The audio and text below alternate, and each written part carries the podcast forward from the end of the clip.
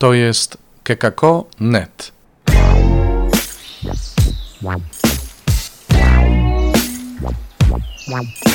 Poranny suplement diety. Chrystus zmartwychwstał. To te święta, to właśnie nasze ulubione święta zmartwychwstania, święta, kiedy życie zwycięża nad śmiercią.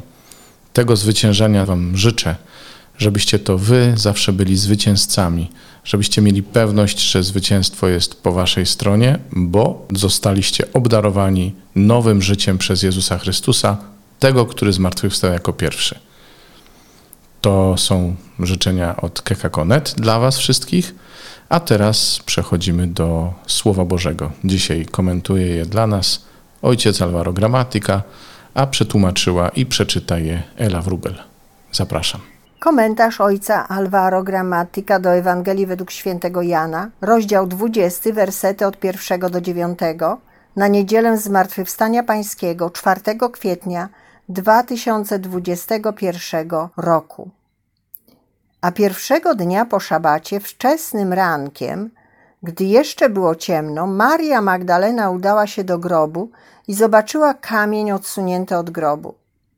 Pobiegła więc i przybyła do Szymona Piotra i do drugiego ucznia, którego Jezus kochał, i rzekła do nich: Zabrano pana z grobu, nie wiemy, gdzie go położono. Wyszedł więc Piotr i ów drugi uczeń i szli do grobu. Biegli oni obydwaj razem, lecz ów drugi uczeń wyprzedził Piotra i przybył pierwszy do grobu. A kiedy się nachylił, zobaczył leżące płótna, jednakże nie wszedł do środka. Nadszedł potem także Szymon Piotr, idący za nim. Wszedł on do wnętrza grobu i ujrzał leżące płótna oraz chustę, która była na jego głowie, leżącą nie razem z płótnami, ale oddzielnie zwiniętą na jednym miejscu. Wtedy wszedł do wnętrza także i ów drugi uczeń, który przybył pierwszy do grobu. Ujrzał i uwierzył. Dotąd bowiem nie rozumieli jeszcze pisma, które mówi, że on ma powstać z martwych. W tym fragmencie Ewangelii znajdujemy Marię z Magdali, która przekonana o śmierci Jezusa, której była świadkiem, przybiegła z wiadomością o kradzieży ciała. Uderzającym wyrażeniem jest to, że Maria stwierdza, że teraz nie wiemy, gdzie go położono. Nie tylko Jezus umarł, ale także jego ciała już nie ma. Widzą tylko nieobecność. Podobnie i my zbyt często widzimy tylko brak Boga w naszym życiu, nędzę i ubóstwo. I nie jesteśmy w stanie zrozumieć dlaczego. Wydaje się nam, że Bóg jest wiecznie nieobecny w naszym świecie, w naszych sprawach. Patrzymy na życie i poddajemy się. Jednak jeśli przyjrzymy się bliżej, zobaczymy, że tak nie jest, ale że są oznaki Jego obecności, obecności, która domaga się naszego zaufania. Piotr wchodzi do grobu i widzi wszystko w porządku, nie widzi żadnych śladów kradzieży. Jan również wchodzi, widzi i wierzy. Co w szczególności uczynił Piotr i Jan, a czego nie zrobiła Maria? Weszli do grobu. Maria zamiast tego została na zewnątrz więc nie widziała dobrze. Oto znaczenie dla nas.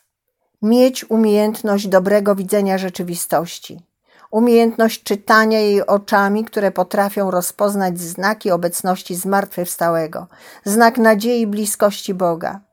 Aby mieć umiejętność dobrego widzenia, trzeba mieć specjalne okulary. Te z Pisma Świętego, te z obietnic pańskich.